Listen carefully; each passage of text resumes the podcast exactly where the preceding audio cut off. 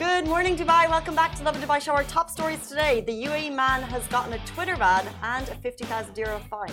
We'll also be talking about a small gesture is getting heaps of online praise. Do stay tuned because we have the weekend hot list with Annika. And after that, Dubai is the blueprint of this new Zimbabwe development. So, more on that by the CEO of West Property, Kenneth Sharpe. Uh, but before that, looking sharp today, Casey. Thank you very much, as are you. Uh, looking you, sharp. thank Very you. nice summary. Thanks. Uh, shouldn't be the look since we're going into winter. Um, winter is summer. That's why Dubai is so confusing, right? Because it's like we say winter, but it's actually beautifully uh, Pleasant warm, summer. pleasant, Yeah. at 25 degrees. A Maybe we London should do a bit of a switch because the and then the stores get confused here, right? The stores start stocking Ugg boots. The kids wear mittens to school and they act like it's winter, but no one's talking about the fact that it's actually still summer. Let them live. Let them live with their uh, caps and their mitts and their ear covers. It's a farce. It's a Scarves. cost on parents that they don't need. You could wear the same clothes all year round unless you live in a very cold office. Then Ah. you need your. Even schools get cold. It's cold outside. It's cold in the schools. It's cold inside. Oh my gosh. But anyway, I want to talk about cloud kitchens. okay, go. So yesterday on Reddit, I saw this uh, one post about a cloud kitchen that's opened up in Marina, but it's a dine-in cloud kitchen. And people, so basically, you know what a cloud kitchen is, right? Talk me through it. Okay, so it's like a commercial kitchen where there's no dine-in. What? What is that? Ali goes, a kitchen in the cloud. No. Okay. So it's like a ghost kitchen. A ghost kitchen. So Okay. there's no dine-in. You just uh, and they rely on deliveries, like delivery apps, to run their business, and it's just like takeaways, takeouts. Like there's no dine-in. So that's a ghost kitchen, and multiple restaurants can have a kitchen space at this uh, at at the ghost kitchen. So basically, someone put up this post on Reddit saying like this ghost kitchen has just uh, is now welcoming dine-ins. So like people can come and eat at the restaurant. So someone in the comments is like this is genius. It's like you know you can go there with your family and you can choose from multiple different cuisines and you can all eat at the same place. Mm. so basically that's a food court. You know what i'm saying? Yeah. Like people are being Okay. tricked into thinking it's a new concept but we've had this concept all along So the the marketing person behind this new restaurant is like it's the cloud kitchen that you can eat at. yeah But the whole purpose, my understanding of like the Katopies, the whole purpose is like uh, there's no overheads for these restaurants. exactly Um, there's no dine-in, there's no serving, so they're saving a lot of money to have uh, a cloud kitchen, and then they can just like ramp up the deliveries and do really, really well. But now this restaurant has decided, hey, why don't I have my cloud kitchen, and then people can come and eat. Exactly. So yeah, now the cloud kitchen is open to the public to come and dine in, and people are so confused in the comments. Like, like they're being tricked into thinking it's like a new concept and revolutionary thing, but it's basically a food court. Like you know, like what I said before. But uh, others in the comments are like, we we we've taken two steps forward and one step backward. No, we're evolving backwards. Hmm. So it's like we have this amazing concept of a cloud kitchen, but now we've turned that into a food court, and people are so excited about it. So it's just uh, it's the funniest thing, and we know how much like cloud kitchens are a thing in Dubai. Yeah, cloud kitchens have done really, really well. Yeah, I don't know. I'm I'm confused. I feel like someone's just kind of lost their way a little bit. That's what I think, right? Because the whole point, unless they're just calling it a cloud kitchen, like I want to see the menu. Mm. Do they have Like different restaurants. do they have lots of different restaurants in there, Yeah. and they've decided to just open up? Weird. Okay, Yeah. well that's Dubai for you. Anything can work, honestly. Anything can work. If you market it the right way, anything can work. Like, see, instead of saying food court, you say cloud kitchen where you can dine in, and then you're like, wow, what is that new concept? That's a whole new thing. Yeah. Maybe I can put it on my Instagram. Yeah. Oh, Mammy Fairies. Mama Fairies Kitchen saying, lol, that's the idea to get people thronging. Uh, someone else is saying deprived. Deprived Um, of what? Love, food? Stephen says this is not an interesting topic and we're boring. What would you eat in a cloud kitchen? Hira Beat. Hira Beat is asking. Would you eat in a cloud kitchen? Um, I don't know. It's literally the same thing as eating at a food court. I don't know about this one, to be honest. I think it's just uh, someone's lost their way. I think it's just the Point. the point. Um, let's jump into our first story. We're talking about the UAE man who's gotten a Twitter ban and a 50,000 dirham fine. So, what do you do, need to do to get banned from Twitter right here in the UAE? The Abu Dhabi Judicial Department reported the story of a man who's been banned from the social networking site and the receiver of a 50,000 dirham fine, and this is for inappropriate behavior, according to the courts. Uh, so, according to the courts, he insulted a sports club and the fans while tweeting inappropriate images that offended the club's fans. So he's off Twitter for a year, and devices uh, he used to be tweeting have been confiscated for the unsportsmanlike behavior. So this is the result of um, a fast action on Twitter. He was tweeting something and it was inappropriate. He has now been banned off Twitter for a year by courts in the UAE and a 50,000 dirham fine, and his device has been confiscated. Uh, so, if as we come into the World Cup, when we know there is shade thrown out left, right, and centre on teams, just consider um, the laws here regarding, you know, insult insulting doesn't end with sports. So don't have it on the Twitter. On social media. Don't have it on social Yeah. media. Uh, don't air out your dirty laundry with um, sports clubs on social media because that is also against the law. And this is kind of a reminder as we run into the World Cup when um, emotions run high uh, to keep your emotions off Twitter. Exactly. I mean, I love this. Like the, uh, the UAE always ensures in the best in like across the board to make sure it's not a negative space. Like within communities, within on social media, like anything they can do to make sure that it's positive and all the cyber crimes are off. Like they make sure they take the stances and you know the measures. So I mean, now that you know these things are just not accepted here in the UAE, don't don't do it. It's so true. There's a whole ecosystem of preserving people's um, happiness mentality. For example, uh, it's very common in um, the States and the UK for people to take photos of celebrities. And that leads to um, tabloids and kind of sensational mm-hmm. journalism about people. It leads to negativity online. It leads to like Daily Mails having those like really leading headlines about, you know, this girl looks amazing on the beach when they've posted the most unflattering picture ever.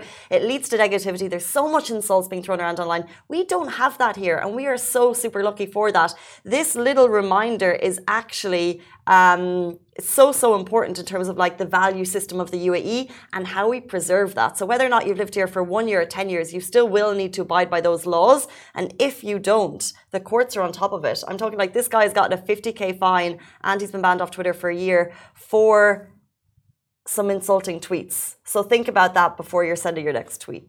You know, I had a friend who came in months ago and he doesn't stay in Dubai, but he came in and he's like, you know what, Dubai is like a snow globe. It's like a bubble.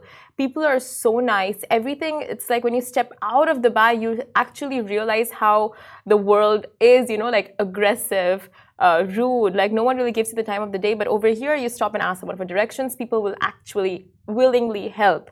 And that's, like you said, the ecosystem that has been created for the city and for the country. So now it's just like, showing the expats abiding by that, showing the expats just, you know, like being involved in creating and being uh, part of that ecosystem. And then this leads to positive gestures that people see and share on the streets. If you look at our Instagram today, um, there's uh, a man who's working through the night keeping the city clean. Um, people share these, and people give uh, people give um, people give.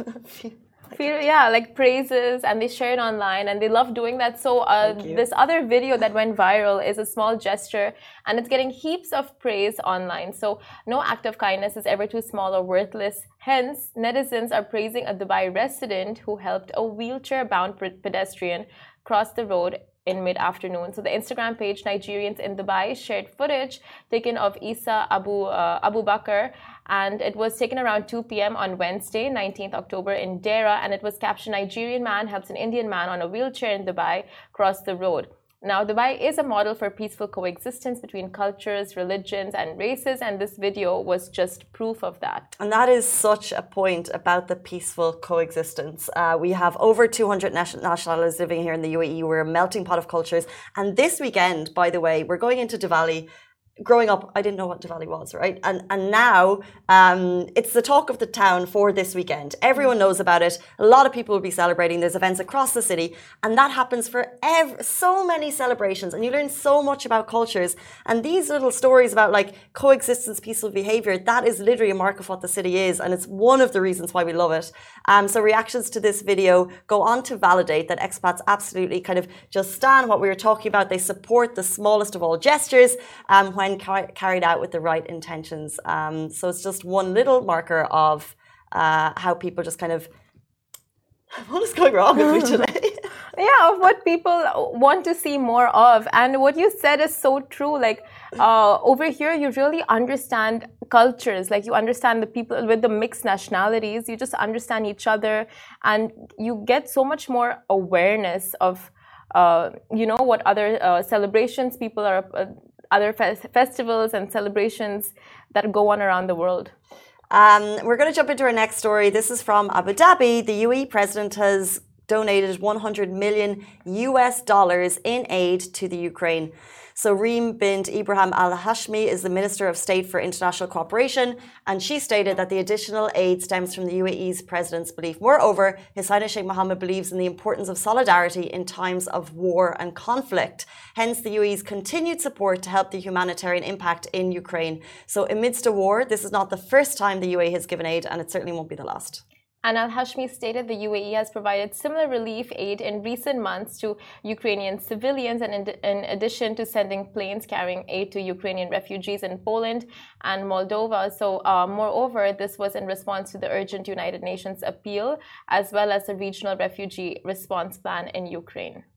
And jumping into our next story, before we get to the hot list, of course, we've mentioned Diwali already on the show. It's right around the corner, and the Indian community and people all across the community are waiting for the year round and grand festival of lights, where they get to glam up, meet friends and family, celebrate love, life, customs, and traditions. And now we're inching closer to the occasion. It's time to glam up. So, India's fastest growing jewelry brand, Tanishq, has released a charming Diwali collection they're calling it Alaka by Tanishq with offers of up to 25% off. How could you not? Honestly, the collection, we've seen it and we've seen on their websites and their Instagram handles and stuff. It's beautiful. And the way people dress up for Diwali, like they go all out. It's like you wear your best jewels, your best uh, Indian traditional outfits and you go for these like Diwali uh, pujas and parties. Like pujas are like a prayer prayer meets, and it's just such a beautiful time of the year. So can you explain like what's the actual tradition? Which day is there like a specific day or is it runs across? Because I know the office has been talking about it for a week and the outfit preparation has been ongoing for weeks. I think Meena Bazaar has been hit like five times for like bangles and things. Simran very kindly has bought me some stuff I'm so excited to wear. But what's like, is there an uh. actual day or is it like a running time? And even if you don't have family mm-hmm. the city, so what are you doing? So it's on Monday officially, Diwali. So, but I think it's people celebrate on the weekend of. So like this weekend, it's going to be a full Diwali weekend, and Monday is the official Diwali day. So people are going to meet up for like prayers. Um, they're going to offer prayers to the gods, and they're going to like just meet up with their family and friends to celebrate and have like a nice get together, like bonding time. But this is when you know you really go and buy new clothes. You dress up in your best like outfits. It's just it's like Christmas for Hindus. Interesting. Basically and uh, it's like you gift each other. It's just a very wholesome time. And then of course like you know it's a festival of lights. So all indian houses celebrating will have like lights outside their balconies this and is like, what I wanted to ask because every year we share these amazing Bur uh, Dubai videos. yeah, in particular Bur Dubai, but I haven't seen them. Where are your Bur Dubai videos, guys? Oh, it's gonna come out like this weekend. This weekend it's, it happens. Yeah, it'll happen this weekend. And then it'll just run right through to Christmas. You just keep, or like you'll see it, like the lights won't stop. The shining yeah. lights. I think like people get too lazy to remove them, so it'll stay until Jan, and that's when we're like, okay, you know what, New Year. I think it's time. Yeah, after New Year, then it's like okay, time to remove. It's like the Christmas tree, you know. It's like you have you've set up the Christmas tree. Christmas is over. Valentine's Day is over. The Christmas tree dies though. In some if you have a real one, they don't they don't last. Unfortunately, no one has a real Christmas Christmas tree here though. It's yeah, all like, you can. You can. Do yeah. you have a real one? Um, I don't, but you can. It's so because they smell so good. But like you want to be eco-conscious. and just like get a fake. Get a plastic one. Oh, I have a fake one, but I'm just saying they smell good, so some people do have them. Yeah, I mean the I know how like pine smells so good, like the pine car fresheners. Did you ever smell a pine car freshener? Yeah, I think so. I don't think it's got the same. yeah, not the same, of course. like there's a natural smell and then the imitated smell. I need to go and smell one actually because I don't really know if I'm. Um, okay, guys. So we were talking about other things, but as always, it's Friday. It's the weekend, and Annika's here with your hot list right after this.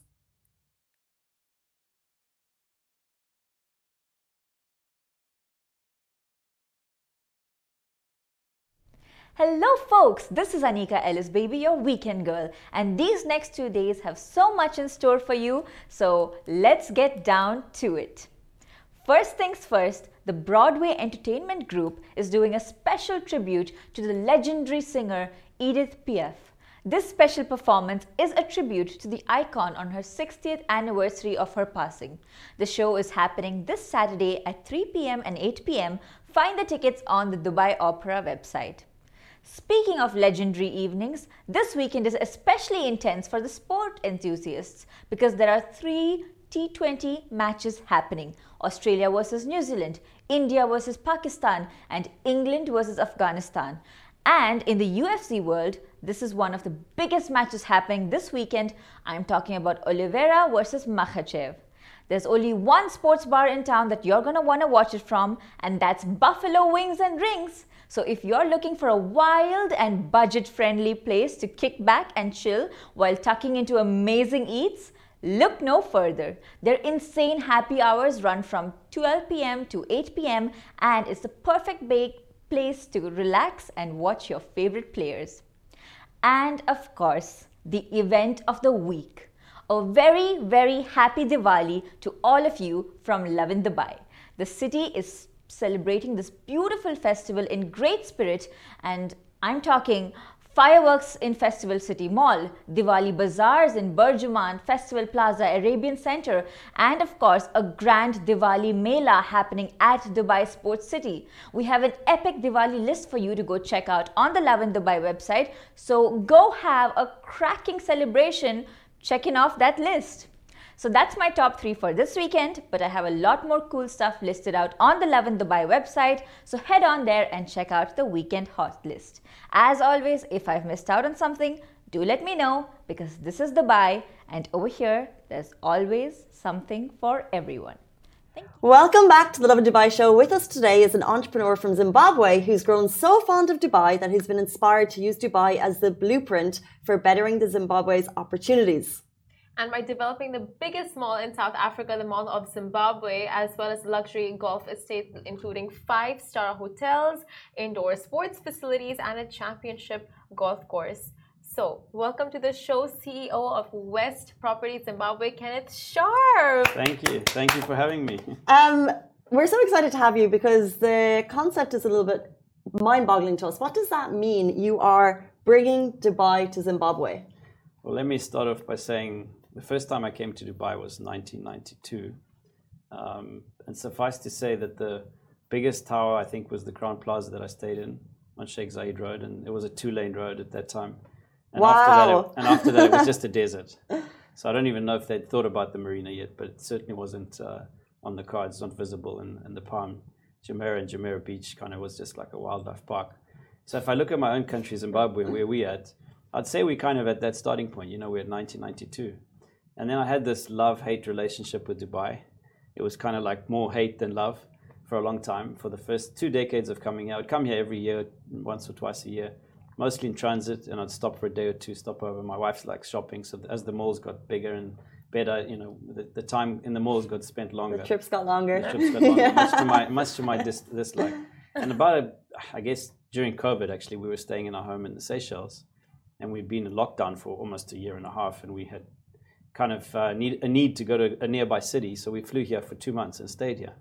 And a lot of my friends um, who live here permanently, I got to talk to them and see the other side of Dubai. And the most um, surprising fact about Dubai for me was the fact that it's the safest city, in their words, that they could live anywhere in the planet. So that was surprising. I mean, you do feel safe here, but you take it for granted, right? You don't really think of much of crime. And in other places, but it is a big problem. It's a social dilemma in many, many countries, including my own. So I think the first thing that struck me was, wow, Dubai is really a safe place.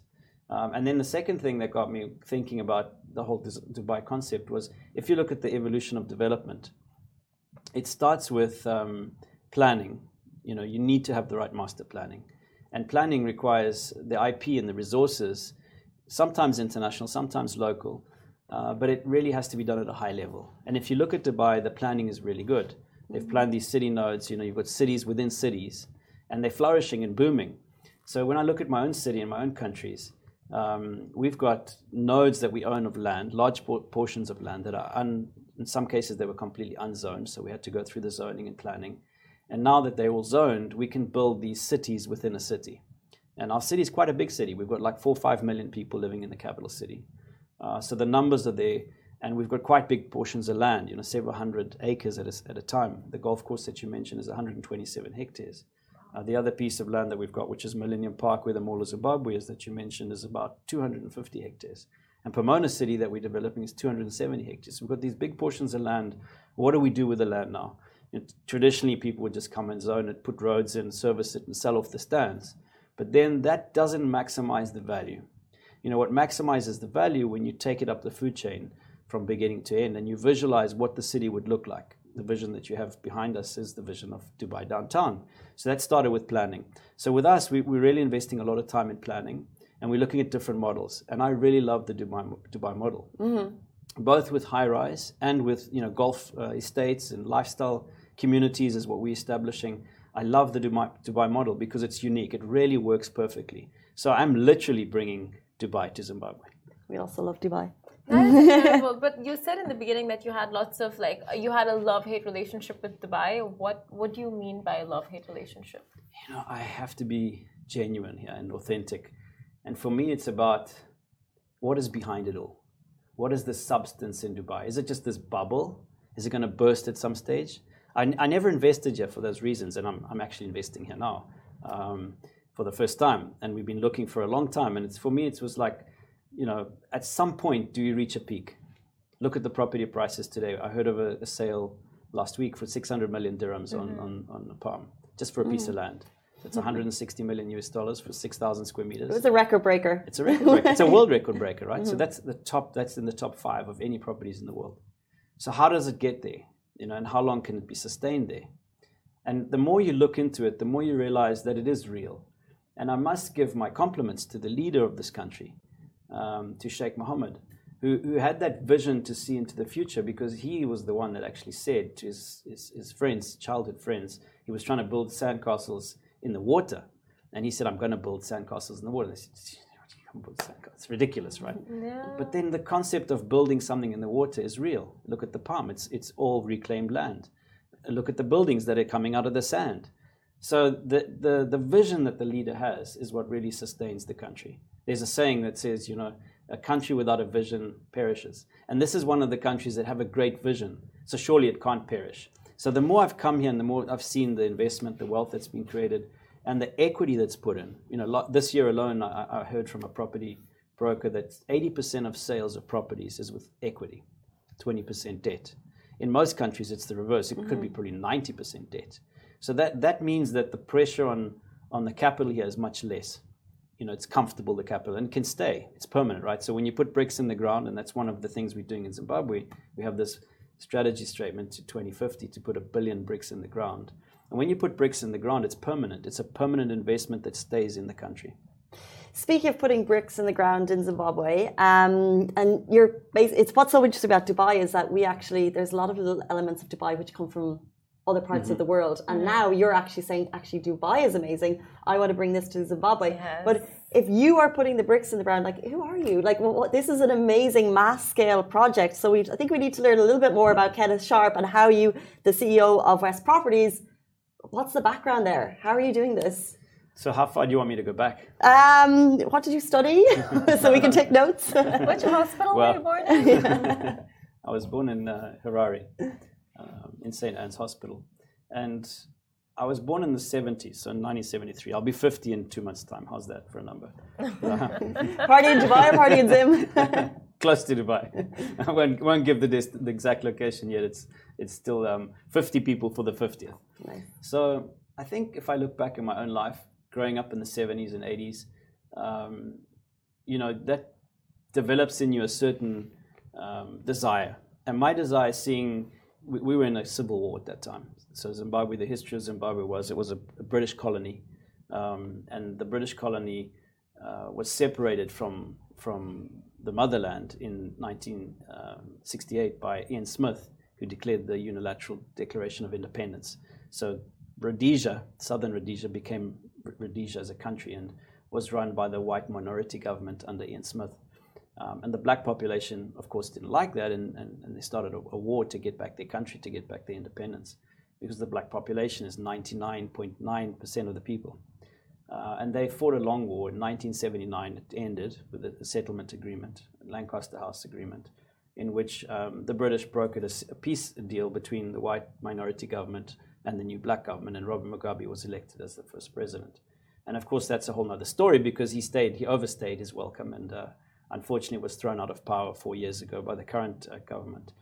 And um, as a youngster, I, I, kind of had this, I guess, um, innate objective purpose in me that it was um, part of my future to be part of the society.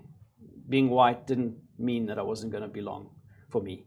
You know, I say to some of my black friends, you may have black skin and I may have white skin, but our hearts are both red and the blood we bleed is for our country.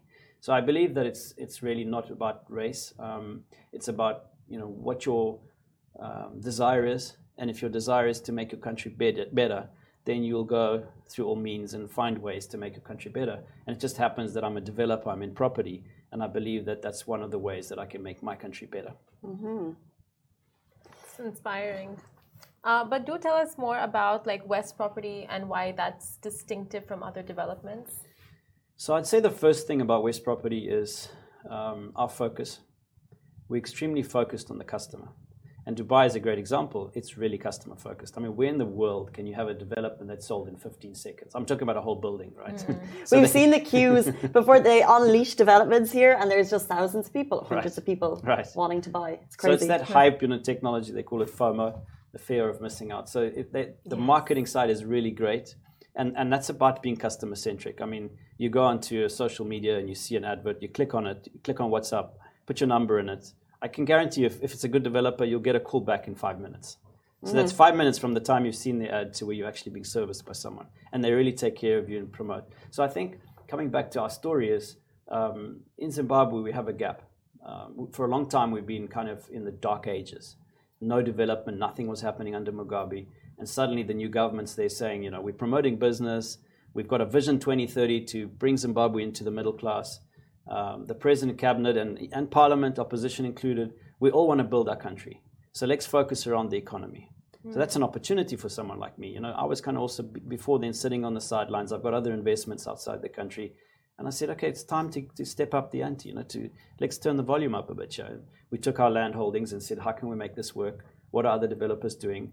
And we looked at it, and our our value proposition that's unique is that we offer this lifestyle community. We believe in giving um, homes to our customers that where they can live in style. And not only in style of the building but in style of the facility. So we create these nodes of, of live work shop play. So an element of residential an element of office an element of retail and then an element of open parks and sporting facilities. And it's those amenities and that neighborhood that's unique. It's very difficult to duplicate that. So you're planning on building a neighborhood and not just a mall, Correct. right? Like a full yeah. community center. Exactly. Okay, yeah. that makes sense. But uh, if if you're focusing on, you wouldn't just focus on just the retail and the commercial aspect of it, because I mean, Zimbabwe is mostly known for tourist tourism destination, mm-hmm. right? Like wildlife, all of that. So uh, why, you know, like not work on that and like introduce a commercial aspect, like shopping centers? Do you, you know, think the, that would the grass is always greener on the other side, and uh, Zimbabweans do have a beautiful natural wildlife and habitat but they want to have modern living. So the homes were designed uh, largely by British architects and British design in the 50s and 60s. And they, they're a little bit boring. So we're bringing more modern designs. And that's one of the other reasons we say we're bringing Dubai to Zimbabwe is because the designs, the architecture is glass, stone, um, you know, marble, um, steel. So it has a more modern feel to it than perhaps what was being done before. We're talking golf courses. We're talking mo- the biggest mall in the biggest mall in South Africa. So it's it, it will be no, it's not the biggest mall in South Africa. South Africa's got well a, a huge mall called Mall of Africa now, which is the biggest one in Africa, um, and the second biggest is in Morocco. So this mall that we're building in both phases would be this would be the third biggest in Africa. And what's the timeline for these projects? Like when are when are people So, going to be living in these? yeah, so uh, we started modern building, homes? we started servicing the land about five years ago, um, and we started superstructure, which is the actual buildings, about three years ago. So currently we've got about um, 600 sold out of several thousand, um, and probably of those 600 sold, there's about 100 units that are finished. That includes flats and homes. So we're getting into the stage now of um, seeing the construction come out of the ground more than before because we're finishing the superstructure, the infrastructures.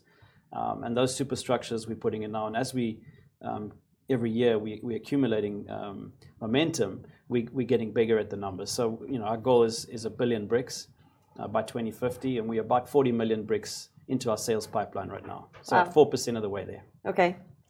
So I want to ask you this one question. We were uh, we came to know about like your incident that took place in January 2007, uh, when you um, you know like survived a near death experience in Canada while skiing. So what was that like, and how has that changed your perspective? And is this something that's like your love and uh, motivation to do something for your country come from that incident? It did and it didn't. I mean, things do affect you in your life, but they don't really change who you are.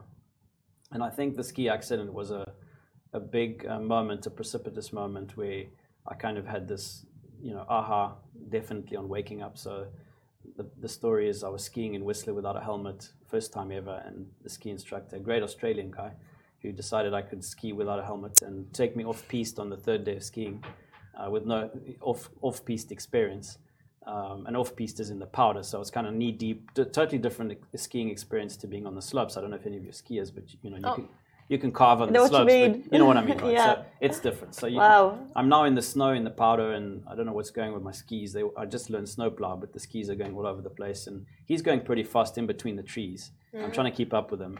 Next thing is I hit a tree. Oh no! And uh, turns out I hit my head into the tree. I, I hit probably a rock, spun back backwards, hit my head into the tree, and knocked out. So I was out by three minutes. And then he woke me up and said, um, "I think you've broken your neck. Don't move." So I was like, "No, no, no, I haven't broken my neck." So I jumped out of the snow and grabbed one ski out of the snow, grabbed the other one, you know, and put them back on and said, "Let's go again." He was like, "No, no, no, you don't understand. This is serious. I've got a medic coming. Just hang on." And then the medic came, and he kind of went off on his own, left me with the medic. oh my god! He just wanted a day out. This he guy. Was just, he was just an What is adventurous. So the medic started saying, you know, we need a stretcher. And I was like, no, no, I'm fine. I can ski. He was like, sure? Yeah. So we started skiing down. And as I started ski down, my whole world was just like spinning around me. And, you know, I was starting to hallucinate. And I knew there mm-hmm. was something wrong with me. So halfway down, I said, I can't ski anymore. Something's going on. And he looked at me and he said, your right eye is dilated. It means mm. you've got internal bleeding in your brain. We've got to get you to hospital. Oh my god! And I just made it like hobbling to the ski lift, and 12 minutes down in the gondola at the bottom, I was out, un- unconscious. And they took me to the Whistler local hospital, examined me. There was no fractures or marks on my body, not even a cut. But they knew that I had internal severe uh, brain bleeding, bleeding on the brain. They put me in an ambulance and transported me to Vancouver Lionsgate Hospital. On the way in, in the ambulance, I physically kind of died. Um, I remember lying there being incapacitated, no, no feeling. So, you know, you go through a pain barrier that's excruciating. Can't even describe the pain that I, that I experienced. And then you get numb from the pain. And you just become, your whole body's numb and you lose your, your hearing, you lose all your senses. And the last thing I had was my sight. And I remember staring at the, the roof of this ambulance and seeing like shadows moving around me. They were panicking, you know, it's kind of like dying. And then the lights just slowly went off. It was like a, a light switch, dimmer, dimmer, dimmer, and then just a little dot of light and gone. And that last moment, I just said, look, if I can, if I can see, if there's a God up there, just hear me. If I can just see, if, if you can keep me alive and I just have my eyesight, I'm happy to be a paraplegic in a wheelchair, whatever the rest Oh, of my life. Let me just, was the last thing I had, right? So you're desperately holding on to the little last piece of life you have and then it's gone, extinguished. So it turns out I, I went into a coma. They put me on a life support machine. Um, the blood had bled into 60% of my brain cavity and pushed the brain three times uh, compressed its size internally. So they, on, on arrival at, at the hospital, they did a craniotomy, which is a six-hour brain surgery to remove the skull. They removed this much flap, bone flap from my skull to evacuate the blood. Seven hours of surgery, and then said to my wife, who had been uh, on the ski slopes and delayed coming in, and said to, look, we've tried our best to save him. Uh, he's got about a 2% chance of survival. And probably he'll never come out of the coma. If he does, you know, he'll be a vegetable. And here you are today. That's it. Oh my Miracle. god. Wow. You're a Um, miracle child. But it's great to be speaking to you. yeah, wow. So a man with uh, who at one point had two percent chance of survival and is now bringing a Dubai blueprint to Zimbabwe. Unfortunately, that is the time we, all we have time for. But thank you so much for sharing that story. I don't know about you, but I'm shook. Shook. Guys, that was the CEO at West Property Zimbabwe, Kenneth Sharpe. Thank you so much for your time and sharing that story with us. Thank you. We Thank you appreciate being it. Thank you so much. That is it for Hello everyone, it's Hala Bassam from Smashi TV. Are you interested in the latest tech and business news in the region? Then make sure to check out our show Tech Bil Arabi on Smashi TV app and on our website www.smashi.tv. And don't forget to follow us on all our social media platforms at Smashi TV. Smashi TV for the driven, the dreamers, and the doers from Monday to Friday at 10 a.m.